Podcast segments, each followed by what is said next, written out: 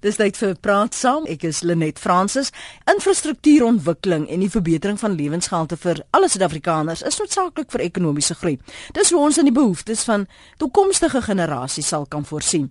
Maar soos jy weet, sukkel ons soms met die ontwikkeling op alle vlakke deur te voer en dikwels vou hierdie ongelooflike innoverende idees weens 'n rompslomp. Nou hoe maak ons om ontwikkeling in Suid-Afrika 'n prioriteit op alle vlakke te kry. Cas de Villiers is die hoofuitvoerende beampte van Wildev Holdings en hy sluit vanoggend by ons aan. Jy's welkom om jou idees met ons te deel. Môre Cas, baie welkom by Praat Saam. Goeiemôre Net. Goed om met jou te praat. Jong, jy het baie lank in Amerika gebly. Nou is jy terug in Suid-Afrika. Wat het jy nou weer hier kom maak? Jong, my hart is eintlik maar in Afrika. Ek dink as mens eenmal die Afrika dans gedoen het, dan verlang jy altyd maar terug tot daai musiek. Ek dink as ek dit in kort moet opsom, ek het uh, op 'n ouderdom van 50 jaar Amerika toe gegaan. Ek het nie so intoe gegaan om uit Suid-Afrika te vlug nie. My vrou ekstra op daardie tyd het 'n spesiale visa gekry vir haar kuns. Die eerste keer wat so 'n visa toegeken was in 40 jaar aan iemand. Mm. En so het ons Amerika toe gegaan om 'n ander lewe daar te gaan probeer en 'n uh, bietjie nuwe avontuur aan te pak mens moet maar soveel avonture in jou lewe inpak as wat jy moontlik kan dink ek. Die terugkom het te doen gehad met die feit dat ek in 'n samelewing my bevind het waar ek so snaaks dit ook mag klink 'n gebrek aan vryheid ervaar het in the land of the free and the home of the brave. Dit is ironies, ja. En ek het teruggekom na Afrika en dan meer spesifiek Suid-Afrika omdat ek voor die tyd baie betrokke hier was ook op 'n politieke kant uh in terme van my eie probleem met apartheid en alles wat daarmee gepaard gegaan het. En ek is bly om weer terug te wees. En toe ek begin met ontwikkeling wat ek voorheen voor ek weg was in 'n mate ook gedoen het, ontwikkeling in die sogenaamde agtergeblewe gebiede. Kom ons noem dit townships. Ek kry nie 'n beter woord vir townships in die woordeboek as dorpe nie. En townships spreek vir my uh, of liewer is vir my meer van 'n beskrywing van waar ons betrokke is om dan inkopiesentrums te doen in hierdie gebiede omdat ons glo dit stimuleer die ekonomie. Uh, dis waar dit nodig is om te gebeur en ons het daarbey betrokke geraak en die Wildef groep het tot stand gekom en ek is nou nog daarbey betrokke ten spyte van al die frustrasies wat ek soms ondervind. Mm, ons kan nou praat oor jou frustrasies. Ek ek stel belang om te hoor toe jy weg was en toe jy nou terugkom, um, het jy ontwikkeling gesien en op watter vlakke en wa waar het jy die behoefte raak gesien om in te spring en te sê maar kom ons bou op hierdie vlak? Ek dink uh, ek het definitief die ontwikkeling gesien en ek dink enige iemand wat sal ontken dat daar aansienlike ontwikkeling in Suid-Afrika plaasgevind het. Uh sedert uh die verandering in Suid-Afrika gekom het sou onrealisties wees. Ek meen net op 'n behuisingsvlak was daar sekere dinge gedoen, daar's meer as 3 miljoen huise gebou. Uh daar's baie dinge wat verander het en ten goeie verander het. En uh, ek het teruggekom met entoesiasme om deel van daai verandering te wees en ek het ook geweet dat uh my eie persoonlike vermoë om miskien 'n verskil te kan maak met baie baie ander mense ehm um, het bestaan uit ondervinding wat ek gehad het of gestimuleer deur ondervindings wat ek gehad het mm. voorheen voor ek hier weg is. En daarom het ek my weer begewe na die gebied toe uh waar ek dink vandag nog die grootste behoefte bestaan uh om verandering te bewerkstellig in terme van die ontsettende hoë syfer van werkloosheid wat meerendeels gereflekteer word juis in hierdie township gebiede. Mm. Maar om op te som weer, ek dink die ontwikkeling het plaasgevind. Ek dink daar's baie goeie dinge, daar's baie dinge wat mens optimisties kan oorwees. Maar daar's ook baie probleme wat aangespreek moet word. En as die probleme nie aangespreek word en uh met mening aangespreek gaan word nie, dan gaan die groei wat ons hier gehad het of die uitsig wat ons op die toekoms het, gaan beslis nie wees wat dit moet wees nie en dit hou selfs gevaar in dat die nalatenskap van iemand soos Nelson Mandela in rook kan opgaan as dit nie aangespreek word nie. Die enigste werklike groot kompleks wat ek kan aandink is die een in uh, Soweto in Maponya Mall. Is hierdie townships is die moontlikhede aanloklik vir beleggers? Die moontlikhede is baie aanloklik vir beleggers omdat daar groot koopkrag in hierdie townships is. Die koopkrag het natuurlik baie te doen met die stelsel van weer die Engelse woord grants. Uh, wat die regering gee aan mense wat baie te doen het met die koopkrag in hierdie gebiede en hierdie dorpe. Maar die geskiedenis bewys ook in ons eie geval dat waar ons wel die regte grond in die hande gekry het in van hierdie dorpe en waar ons dan malls gebou het. Ek noem dit nog steeds malls, maar kom ons sê kleiner inkopiesentrums van kom ons praat maar van 10000, 12000, 15000 vierkante meter. In baie gevalle het ons hierdie goed gaan doen of hierdie inkopiesentrums gaan doen in dorpe waar daar geen inkopiesentrums is nie of in dorpe waar daar baie swak fasiliteite is. En die ondervinding van die nasionale huurders in hierdie inkopiesentrums wys vir ons dat daar meer as net 'n lewensvatbaarheid is ook vir die ontwikkelaar maar dit wys ook vir ons van hoe die groei in hierdie gebiede gestimuleer word omdat die geld dan nie meer uit hierdie dorpe vloei nie maar in hierdie dorpe spandeer word. Mm. Verder word daar belastings betaal aan die munisipaliteit. Lewensomstandighede word verbeter, fasiliteite word geskep. En dit het natuurlik 'n kringloop en dit stimuleer ander besighede en ander groei in daai dorpe. En dis altyd die geval. Om die waarheid te sê, die interessante statistiek is dat uh, As jy dink daaraan dan vind 41% van die totale verbruikersbesteding in Suid-Afrika 308 biljoen jaarliks vind in hierdie gebiede plaas, in die townships plaas. Dit is eintlik nog 'n ongesaglike syfer. Hmm.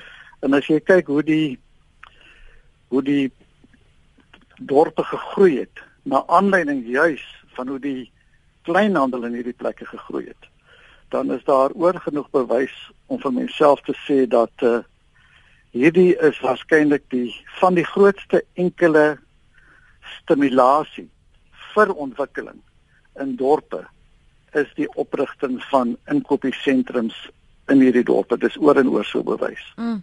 Ons praat vanoggend en praat saam oor infrastruktuurontwikkeling en hoe ons dit 'n prioriteit in Suid-Afrika maak. Kaste Villiers is hoof uitvoerende beampte van Wildef Holdings. Jy kan saamgesels. Dalk het jy al ontwikkeling gesien en waar jy in jou reise dalk met ons kan deel hoe 'n mens se ons hier uh, meer welvarend kan maak in in opsigte van die bou van nie net behuising vir huise en so nie, maar ook winkelsentra soos wat uh, die Wildef Holdings nou doen. So praat gerus met my 0891104553, 0891104553. rsg.co.za SMS na 3343. Elke SMS kos jou R1.50. Jy kan my ook volg en tweet by Lenet Francis 1. Die tipe bedrywe, die tipe um, maatskappye, die soort van winkels wat dan nou voetvind in so 'n kompleks. Watter is 'n gewilde ehm uh, winkels wat jy voel dat mense voel goed hier sal ons se geldjie maak hier sal ons 'n behoefte voorsien maar ons sal ook ehm um, ten minste kan floreer. Ek weet een van ons luisteraars ek dink sy naam is Tollo hy het 'n slaghuis hierso in ehm um, in Soweto byvoorbeeld. En dit is sy die mense in die township is sy sy kliënte. En ek weet in Mitchells Plain is daar baie wit mense wat bly in in dele van Mitchells Plain. So dis nie vreemd vir die rasse om te meng daar nie. Ek weet nie hoe dit in die ander townships is in Suid-Afrika nie. Ek praat net uit die ervaring van wat ek weet in Mitchells Plain aan die gang is. Maar hoe kry 'n mens mense om by mekaar uit te kom en dan te sê maar kom ons belê almal hier in want ons almal kan hier in baat? Ek dink die eh, ek dink dit is die makliker deel om te doen wat jy nou van praat. Ek het nog nooit 'n probleem gehad om uh, belangrike en groot ontwikkelaars te oortuig om saam met my uh, hierdie tipe van ontwikkeling te doen nie. Om heeltemal eerlik met jou te wees, uh, die Wildef groep is 'n groep wat maar omtrent 10 jaar oud is. Ek sou hierdie goed hoegenaamd nie op my eie kon doen nie. As dit nie vir Eris die Eris Property Eris eiendomsgroep was wat saam met ons ontwikkel nie sou ons ook nie in die spoed kon ontwikkel wat ons wel in staat is om te ontwikkel nie. Maar terug te kom jou by jou vraag hoe inspireer mense om om kom ons sê nou maar dan hierin betrokke te raak. Uh die betrokke raak gebaseer op die feit dat hierdie goed ekonomies lewensvatbaar is ook vir die ontwikkelaar. En dit is die mooi ding dat vir ontwikkelingsleer lewensvatbaar en die ontwikkelaar is op dieselfde bladsy as die gemeenskappe vir wie dit ook meer as lewensvatbaar is. In meeste van hierdie ontwikkelinge het ons ook die gemeenskappe as aandeelhouers. Hulle speel 'n definitiewe rol in hierdie ontwikkeling. Hulle baat finansiëel by hierdie ontwikkeling. Maar ten spyte daarvan is ons grootste struikelblok nie soos jy aangedui het om mense te kry om hierdie ontwikkeling te doen nie. Daar's geweldige groot ontwikkelings wat nog steeds gedoen word. Mm. En uh, en bygevoeg word. Maar hoekom baie ontwikkelaars op die oomblik en daar's baie van hulle Suid-Afrika verlaat en na geleenthede op ander plekke kyk. As jy kyk byvoorbeeld na die aktiwiteite wat op die oomblik aan die gang is in Ghana. Deur groot maatskappye, groot ontwikkelingsgroepe, bekende ontwikkelingsgroepe, baie groter groepe as die Wildlife groep. In byvoorbeeld Ghana en in Nigerië en Zambië en in Angola en Rwanda en alle plekke buite Suid-Afrika en selfs sekere plekke in Europa en Oosee. Dan het dit in groot mate te doen met die rompslomp wat ons mee te doen het om byvoorbeeld grond te, in die hande te kan kry in hierdie gebiede. Hmm. Grond wat in baie gevalle eintlik ironies genoeg aan die gemeenskappe behoort, maar waar die prosesse deur die regering oneindig vertraag word. En die ontwikkelaars terughou en dat ontwikkeling met ander woorde op 'n baie stadige tempo plaasvind. Kom ek nou vir jou 'n voorbeeld. Ons het 'n ontwikkeling gedoen van 'n 10000 vierkante meter inkopiesentrum wat mens onder die kom ons klassifiseer dit as 'n klein mall.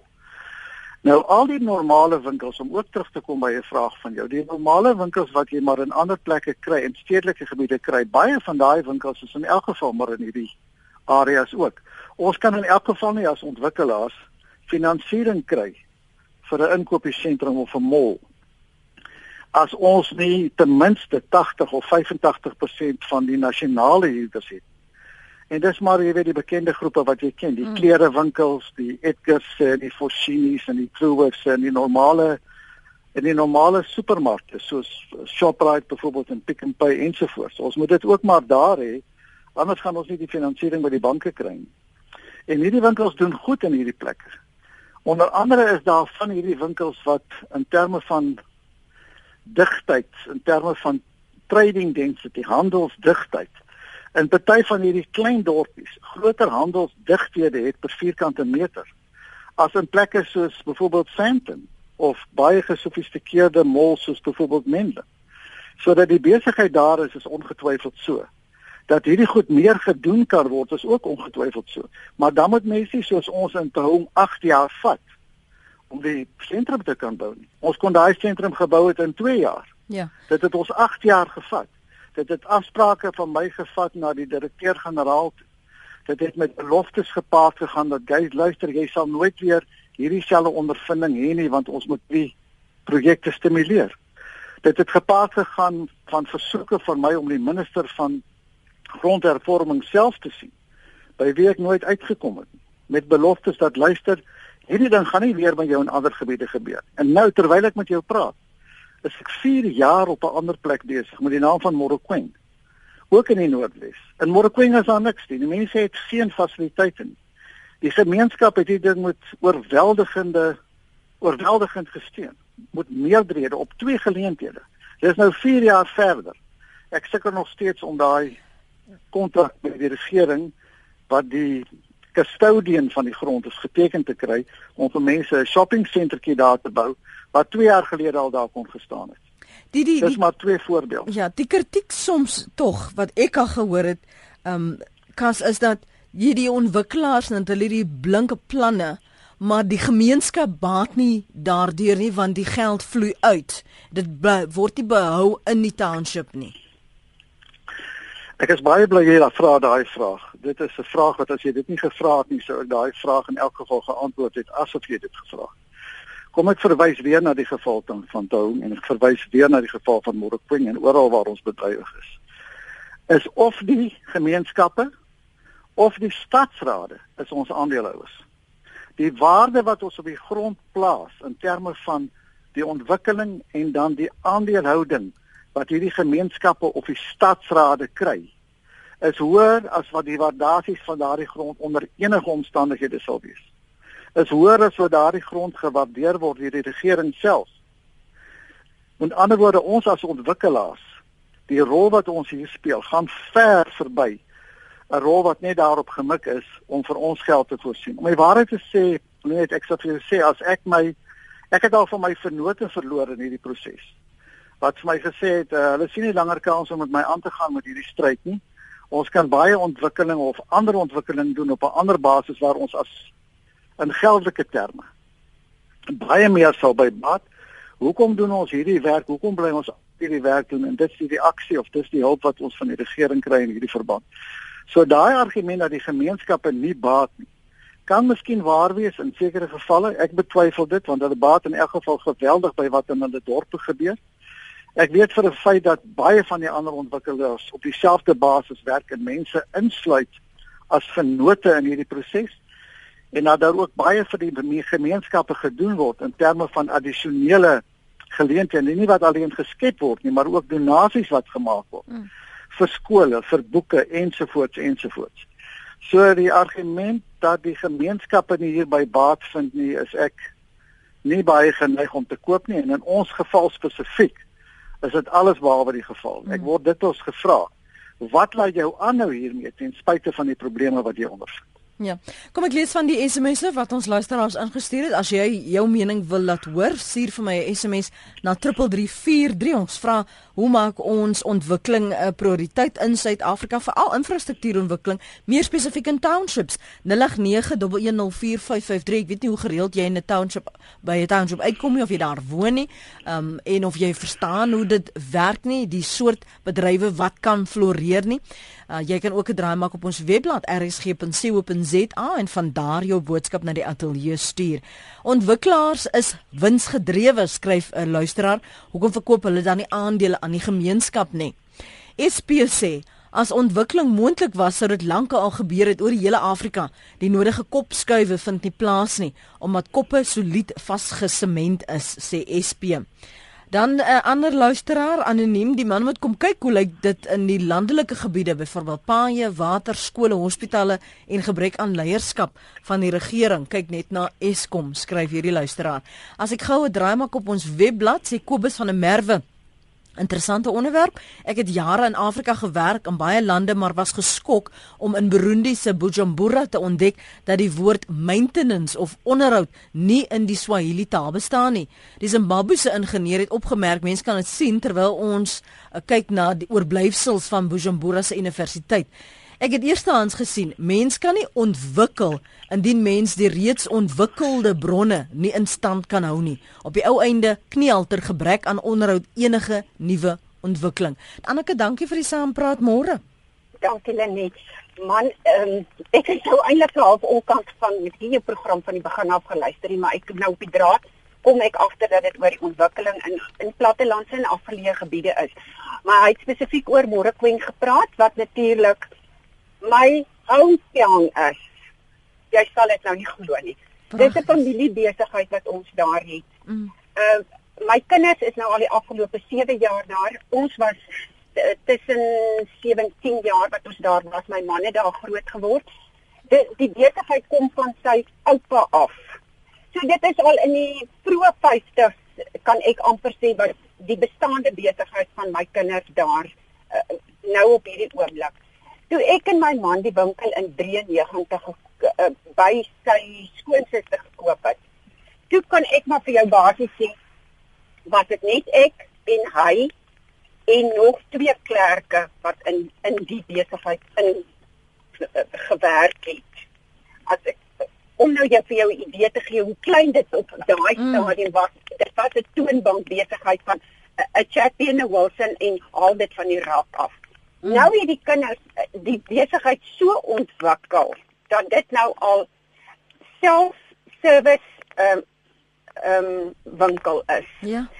Dit is uitgebrei na boumateriaal. Dit is uitgebrei na ehm um, plaasbenodighede. Jy kan vir jou 'n huis uit die winkel uit gaan bou as jy nou in die besigheid instap. Uh, jou jou kasregisters is voor in die winkel, daar is seker 6 na 8 tilslaaners as ek dit nou vir jou mm. so kan kan noem. Mm. Maar met die gevolg is die kinders ons het nie probeer om te stagneer nie, ons het ontwikkel. En as eh, eh, soos 'n ou nou van buitekant af wil inkom, gaan dit vir hom moeilik wees, want die community beskerm dit wat in hulle gebied is. Hmm. Dit is eintlik wat ek vir jou uh, nog nie weg gaan ek wil nog of jou vra so daar is geleenthede. Ja, ja, ja, maar nou moet jy ook weet, ons is nie die enigste winkel daar nie. Hmm. En daar is ongelooflik baie van ehm um, kan ek sien nou maar die Pakistaners of wat ook al wat ingekom het daar in en elke een het 'n klein takshoppie wat hy besig is om te bedryf. Hmm. Die moontlikhede is daar, so maar ek dink nie dit gaan vir 'n groot besigheid soos hy nou sê om 'n shop center op te sit. Ek ek weet nie of dit so um, maklik haalbaar hmm. gaan wees nie, want jou jou mense in daai gebied beskerm dit wat hulle het. Maar ek sal ook wonder as jy dan 'n ontwikkelaars kry en 'n belegging maak, hoe werk jy saam met die gemeenskap maar dat dit nie ten koste hier ontwikkeling nie ten koste is van bestaande besighede wat nou al jy weet 'n geskiedenis daar het. Ja, ja, ja, want ek moet eerlikwaar vir jou sê, my my opinie, ek sal baie sleg voel as daar 'n bestaan as my bestaande besigheid moet ondergaan ter wille mm. van 'n nuwe sentrum wat nou daar ingekom het, want ek voel my kinders kan voorsien wat die gemeenskap nodig het. En dit is die belangrikste, die diens wat hulle lewer. Mm. En die werkskepping wat hulle voorsien het in hulle besigheid. Ja. En in hierdie krisistye van Suid-Afrika wat dit so sleg gegaan het, want kyk, dit is 'n township. Ons kliënte maak nie saak wat hulle is nie.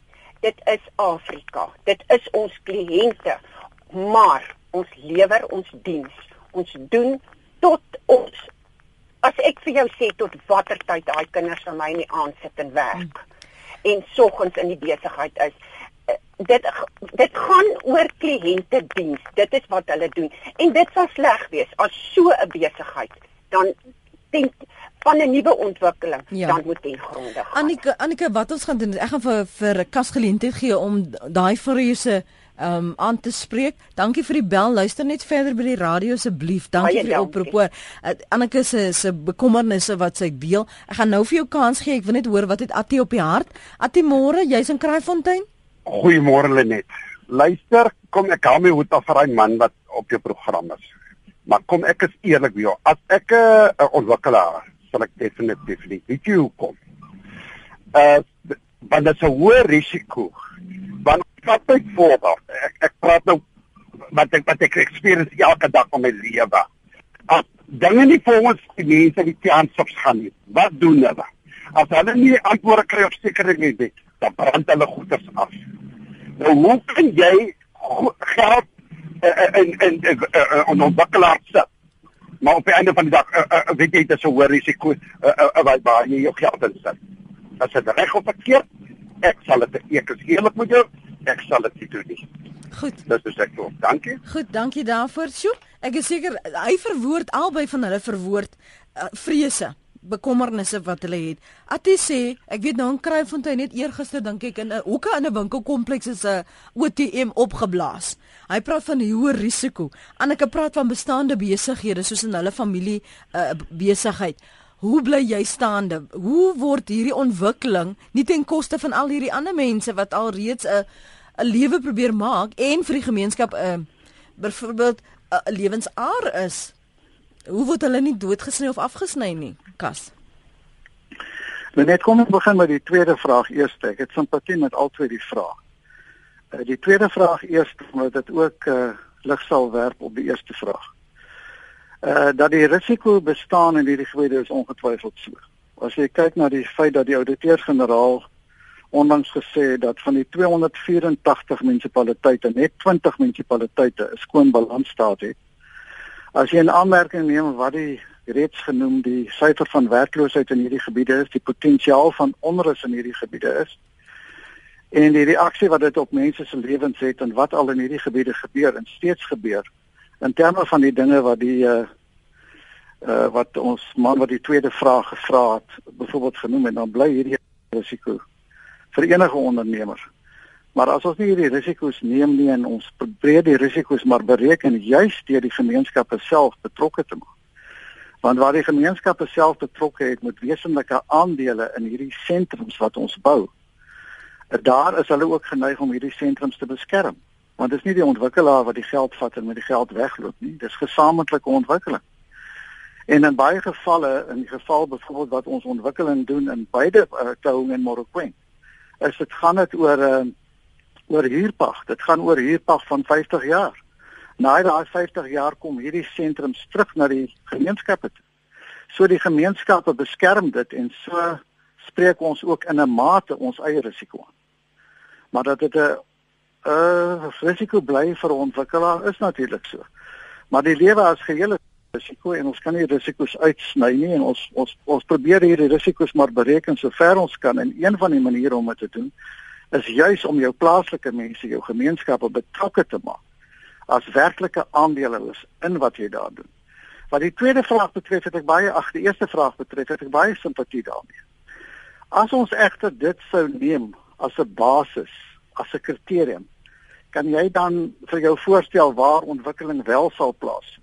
Ja voor ons na Morokweng kyk, doen ons 'n demografiese studie. Om die waarheid te sê, ons het na Morokweng gekyk omdat die gemeenskap van Morokweng na ons toe gekom het. En vir ons gesê het, kyk wat is hier, dis 'n paar spaza winkels, hier is die ander winkels en ek glo daai mense doen uitstekende werk. Ek glo hulle gee uitstekende persoonlike diens, maar ek glo nie hulle winkels gaan noodwendig uh minder goed doen as ons 'n sentrum daar bou nie. Om die waarheid te sê, ons ondervinding is dat waar jy hierdie sentrums bou in klein dorpe, daar stimuleer dit ander besighede. En ek dink jy's mense se reputasie van goeie diens, mense wat al jare daar was, uh sal meer mense na die dorp toe kom. Op die oomblik gaan baie van die mense wat in Morokweng uh moet kom besigheid gaan doen, gaan ook na ander plekke toe. Of die omliggende mense ja. gaan na ander plekke toe. Nou bou ons hierdie sentra en nou kom daar meer mense in die dorpe in om die waarheid te sê, hierdie is nie net 'n gevoel van my nie, dis oor en oor bewys dat die informele handelaars, die informele traders om weer die Engelse woord te gebruik, doen baie beter na hierdie ontwikkeling plaasgevind het as voor hierdie ontwikkeling plaasgevind het. En ongelukkig as mens die uh, as mens dit in ag sou neem, natuurlik neem ons in ag van die mense wat daar is. Natuurlik sal ons kyk wat daai mense verkoop en wat hulle besighede is. En natuurlik sal ons probeer om nie daai besighede te dupliseer nie. Ja. Maar as ons dit as kriterium sou aanvaar en dan weg sou bly van hierdie gebiede af, sou ons Suid-Afrika in 'n groter ellende laat as wat ons nou reeds op die oomblik aanskou. Ons moet hierdie gebiede ontwikkel. Ons moet meer mense in hierdie gebiede kry. Ons moet werkloosheid aanspreek. Ja. Hoe spreek jy werkloosheid aan as jy dit nie ontwikkel nie? Retail of of die inkopiesentra en die werk van mense daar en die trek van ander mense na die gebied toe belastings wat betaal word aan munisipaliteite ensovoorts is die lewensaard van hierdie gebiede. En ehm um, ons het baie simpatie met mense wat daar besigheid doen, maar ons het nog nooit in geval waar ons ontwikkel het die dooddruk van daai mense ondervind nie. Inteendeel, ons het gesien dat daai besighede gestimuleer word eerder. Kom ons hoor wat dit Sonja op die hart. Môre Sonja, jy's in Limpopo. Goeiemôre, gaan dit goed? Ja, dankie en jy. Nee, baie goed, dankie. So baie interessante onderwerp hierdie en ek kan maklik daarbey aansluit. Ek werk vir Macomic Property Development. Um, en ek is die skakelbeampte by Modi Mall en ons ontwikkel nogal vir my maatskappy ontwikkel um, oor die algemeen um, in hierdie gebiede waaroor jy nou gesels en weet jy, deurlopend ondervind 'n mens dat dit um, so upliftment is vir die gemeenskap want waar daar basiese goeder gewoonlik nie sou wees soos ek dink aan krag en mm. riool en water. Die feit dat daar nou ontwikkelinge is van so 'n um, groot struktuur en onmiddellik is daar daai infrastruktuur wat nader gebring word en dit maak dit net soveel makliker vir vir gewone ouens wat dit nie noodwendig sou gehad het nie om ook nou deel daaraan te hê. Mm. En dan en dan ook wat betref om jou inkopies te kan doen as jy vat hoe ver dit is um vir ons om om uit die townships uit te beweeg om te gaan inkopies doen basies so goed wat jy nodig het um en om daar te gaan vir dit. Ons bring nou daai shopping centers tot by hulle en oor die algemeen ervaar ons dat die ouens is so trots op dit. Jy weet hulle hulle um hulle breek nie af nie. Hulle hulle is deel van alles wat gebeur daar en dit is nogal lekker om te sien want dit maak dit dan moontlik vir ek bedoel eerstens is die infrastruktuur nou soveel beter. Um en tweedens gee dit nou die geleentheid vir werkskeping wat hulle nou net oor gepraat het en dit is regtig nog 'n ding om om plaaslik werk te skep en as jy vat as 'n as 'n shopping center gebou word daar in die oprigtingsfase hoeveel werk is beskikbaar ook dan wanneer dit nou in totaal nou afgehandel is en daar is nou winkels en goed. Ja. Ehm um, dis plaaslike werkskepping en dit gee die mense gevoel van trots en en om te behoort en dat het, ons brei uit ons brei uit absoluut mm. absoluut dit is so ek ek het absoluut um, ek het nooit regtig so daaroor gedink nie of was nooit regtig so betrokke gewees nie totdat ek nou in hierdie pos is waarna ek nou is en en 'n mens sien waaroor dit gaan, dan dan dink 'n mens soveel verder want dit maak net dit maak net soveel meer sin. Ja. En ek weet dit is nou ook nou nogal baie daar daar's baie maniere hoe mense nou hierdie ding nou kan benader en en in elk geval ehm um, ek sal altyd iemand sê wat gaan sê daar daar's 'n negatief negatiewe konnotasie oor dit. Ons het net nog nooit gevind dat dit die koopkrag uit die dorp uit wegneem nie. Inteendeel, die oomblik wanneer daar so 'n nuwe struktuur gebou word, is dit asof die ouens wat in die dorpe is, alle winkels ook revamp en die goed word mooi gemaak en dit word geverf. So dis dis absoluut um, ek dink 'n wen-wen situasie vir vir beide partye, um jy weet in 'n gemeenskap. En ek dink dit is goed om te hê want aan die einde van die dag beteken dit daar is vooruitgang. Um ek ek weer eens van net die infrastruktuur wat nou vooruitgaan. As jy net dink die vooruitgang wat gaan saam met om mense te uplift, jy weet, um, ja ja, dit is dit vir my baie positief en en dit is grait om te sien hierdie goed op opgerig word en hoe dit mense se kwaliteit lewe verander. Ja. Dis wonderlik. Dankie vir die saamgesels. Waardeer jou oproep. Nada van Nysa skryf: "Die nuwe winkelsentrums lok sleutelhuurders met lae maandelikse huurgelde en dan los dit leespooksentrums agter soos met al ons sentrums. Ek hoor dat daar nou nog 'n nuwe sentrum wat een van die groot sleutelwinkels se kosafdelings gaan huisves gebou gaan word. Ek dink net dat die ontwikkelaar en die munisipaliteite die is wat mense daarby baat en ek as erfbelastingbetaler aan die agterspeen suig skryf Nada van Nysna. Tornel van der Merwe sê alle ontwikkeling is nie goed nie. Hier in die platteland sien ons dit dikwels. Neem Beaufort Wessemol. Dit smaak met die hele dorp se besighede is ontwrig om mol toe te trek wat toe 'n klaaglike mislukking is. Die skade is die plaaslike sakemanne en gemeenskapsin terwyl ontwikkelaars dan lank reeds elders sake doen. Dis van die menings op ons webblad rsg.co.za. Jy hoor nou wat van ons luisteraars sê ook Sonja se bydrae en hierdie die kwessie van infrastruktuur wat Kobus na verwys het. Praat gou vinnig daaroor. Eerste instansie wil ek net sê dat uh, ek is bly om van die McCormick groep te hoor want McCormick is een van die pioniers as dit kom by die oprigting van hierdie fasiliteite in die townships. Ja, wat baie winkelsentrums gebou en dit het die ekonomie in hierdie gebiede baie gestimuleer en ek het groot respek vir wat hulle doen deur al die jare heen. So is goed om ook van hulle te hoor. Wat die leefwinkels betref, uh die opmerking wat jy nou net gehad het van iemand daar, ek dink is Beaufort Wes en ouens wat inkom met lae huure en dat winkels dan begin leeg staan. Uh dit is nie die wat oor die algemeen gebeur nie uh, enige ontwikkelaar wat sy sout werd is, sal sy studies baie goed gaan doen. Ons betaal derduisende rande vir demografiese studies voor ons een steen op 'n ander een gaan neersit in enige gebied want ons sal self nie daai risiko loop nie. Ons kan nie daai risiko loop nie. Ons kan nie dat die gemeenskap daai risiko loop nie. En ons kan nie dat die huurders daai risiko loop nie. In elk geval die nasionale huurders, die Shoprite van hierdie wêreld, Pick n Pay en die Foschini's en die Truworths en al daai mense, hulle gaan verder hulle eie studies doen. So as daar winkels leeg sou staan in plekke dan net 'n ontwikkelaar iets gaan bou wat hy nie moes gebou het nie. Hy het waarskynlik nie vooraf sy persentasie van nasionale huurders gehad wat hy moes hê nie. En daar's nie ordentlike demografiese studies gedoen nie en ek dink nie dit is in baie gevalle so nie. Ek mm. dink dit is die uitsondering eerder as die reël. Vinnig net gou hierso, uh, iemand wat wil weet hoe word die huidige takshop hierdie spaza eienaars geakkommodeer in hierdie ontwikkelings? Word daar ruimte vir hulle ge geskep? Jy kan nie binne in die ontwikkeling self ruimte vir spaza winkels skep nie vir 'n eenvoudige rede dat jy nie daai as jy 'n aanmerking neem net en dis 'n baie belangrike ding wat mense geneig is om te vergeet. As jy deesdae is 'n uh, 'n sentrum gaan bou, 'n inkopiesentrum gaan bou, 'n mall gaan bou. En jy kry die grond feitelik verniet. En jy kry grond nooit verniet of feitelik verniet nie. En jy neem jou boukoste in aanmerking en jy moet 85% nasionale huurders akkommodeer om die sentrum lewensvatbaar te maak en om enigsins 'n lening by 'n finansiële instelling te kan kry wat jou in elk geval net 70% van die geld gaan gee in die huidige omstandighede dan is dit nie vir jou moontlik om Spaza om die Spaza winkels in die sentrum te akkommodeer teen die huure wat jy moet vra net om te kan om die ding ja, finansiëel werkbaar te kan maak is totaal en al onmoontlik. Jy kan ook nie die Spaza shops akkommodeer nie want geen finansiële instelling sal vir jou finansies gee om daai ding te op te rig nie want hulle weet jy gaan dit eenvoudig nie jou syfers gaan dit nie maak nie. Maar wat ons doen?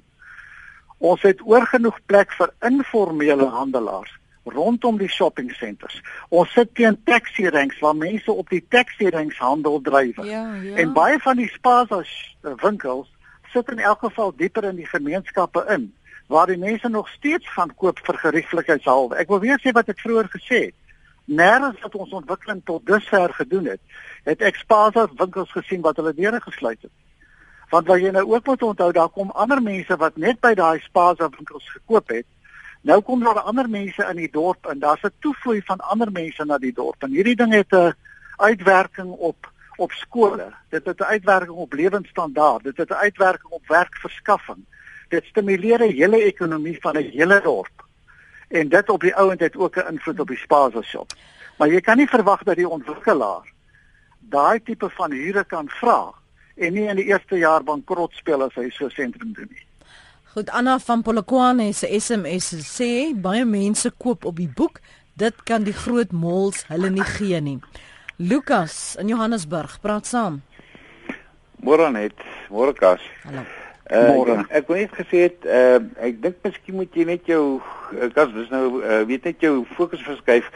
Uh, ek dink die regering gaan veel vir jou help. Ek dink die rondslomp gaan maar daar bly want hulle belang is maar om die ouens uh, weet op grondvlak, jy weet uh te bevoordeel jy dat hulle nou voordeel die ding uitkry en hulle seker reg as hulle sê dat hulle dink op die staan wat eh uh, eh uh, jy die geld maar uit die area uitvloei. Ehm um, ek dink julle gaan kyk na die kredietmodel by die eh uh, die ja, jy kredietmodel jy weet die die eh uh, kredietmodels weet van jou banke waar hulle 80-20 ratio het eh uh, jy weet uh, vir jou eh uh, nasionale uh huurders, jy weet jou koöperatiewe huurders, dat daai ratio verander word in die gevalle van ontwikkelingsdoeleindes. Dis die regering miskien bietjie aanhelp om anders te dink oor die dinge, miskien op 'n 50-50 basis werk miskien 40-60 basis en dat daai mense wat gevestigde belang in die retail het, uh wat hulle nou uh mee uh aan die go het soos daai ander dame wat geskakel het dat hulle dan uh weet genader word deur die ontwikkelaars en gesê word jy weet jy koop in op die ding en jy weet met ander hulle aandeelhouers in die sentrum raak byvoorbeeld. Maar alhoewel hulle ook nie 'n uh, bedreiging voel en dan uh jy weet saam die uh jy weet of teen die ding dan werk nie. Raak net 'n uh, bietjie meer van 'n ehm um, eensaamhoorigheid is vir die ontwikkeling van die ding.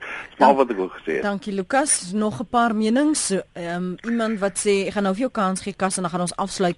Uh die groot probleem in ons gemeenskappe in verband met ontwikkeling is dat die beleggers nie langtermyn belê om die gemeenskappe op te bou nie. Tydelike skenkings baat nie vir langtermynbelegging nie. Kyk maar na die myne. Na Makoland is 'n spookdorp na die myne weg is, skryf M Pieters. Dan 'n ander mening, dit is internasionaal bekend, bewys dat malls en winkelsentrums teen die ontwikkeling van 'n kultuur van klein sake entrepreneurskap inwerk. En klein sake entrepreneurskap is reeds herhaaldelik deur ekonomie beskryf as die enigste oplossing vir die vestiging van 'n sterker grondvlak ekonomie in Suid-Afrika wat werkloosheid sal teenwerk. Daarbenewens ben, vernietig die nuwe malls bestaande dorpe se dorpkerns. Dis M de Kok se SMS daardie. So 'n minuut en 'n half van jou. Kas om op te som? Goed, ek wil net na aanleiding van die, die vorige vraag sê dat in terme van die miskien 'n scenario van 'n 50-50 verhouding in terme van nasionale huurders teenoor ander. In sommige gebiede vind dit wel plaas. In baie klein sentrums waar mense byvoorbeeld kom ons sê 5000 vierkante meter bou inkopiesentrum. Sou jy baie kry dat 50% van daai mense is wel nasionale huurders. Ag, is nasionale huurders en die ander 50% is gewone gewone ondernemers.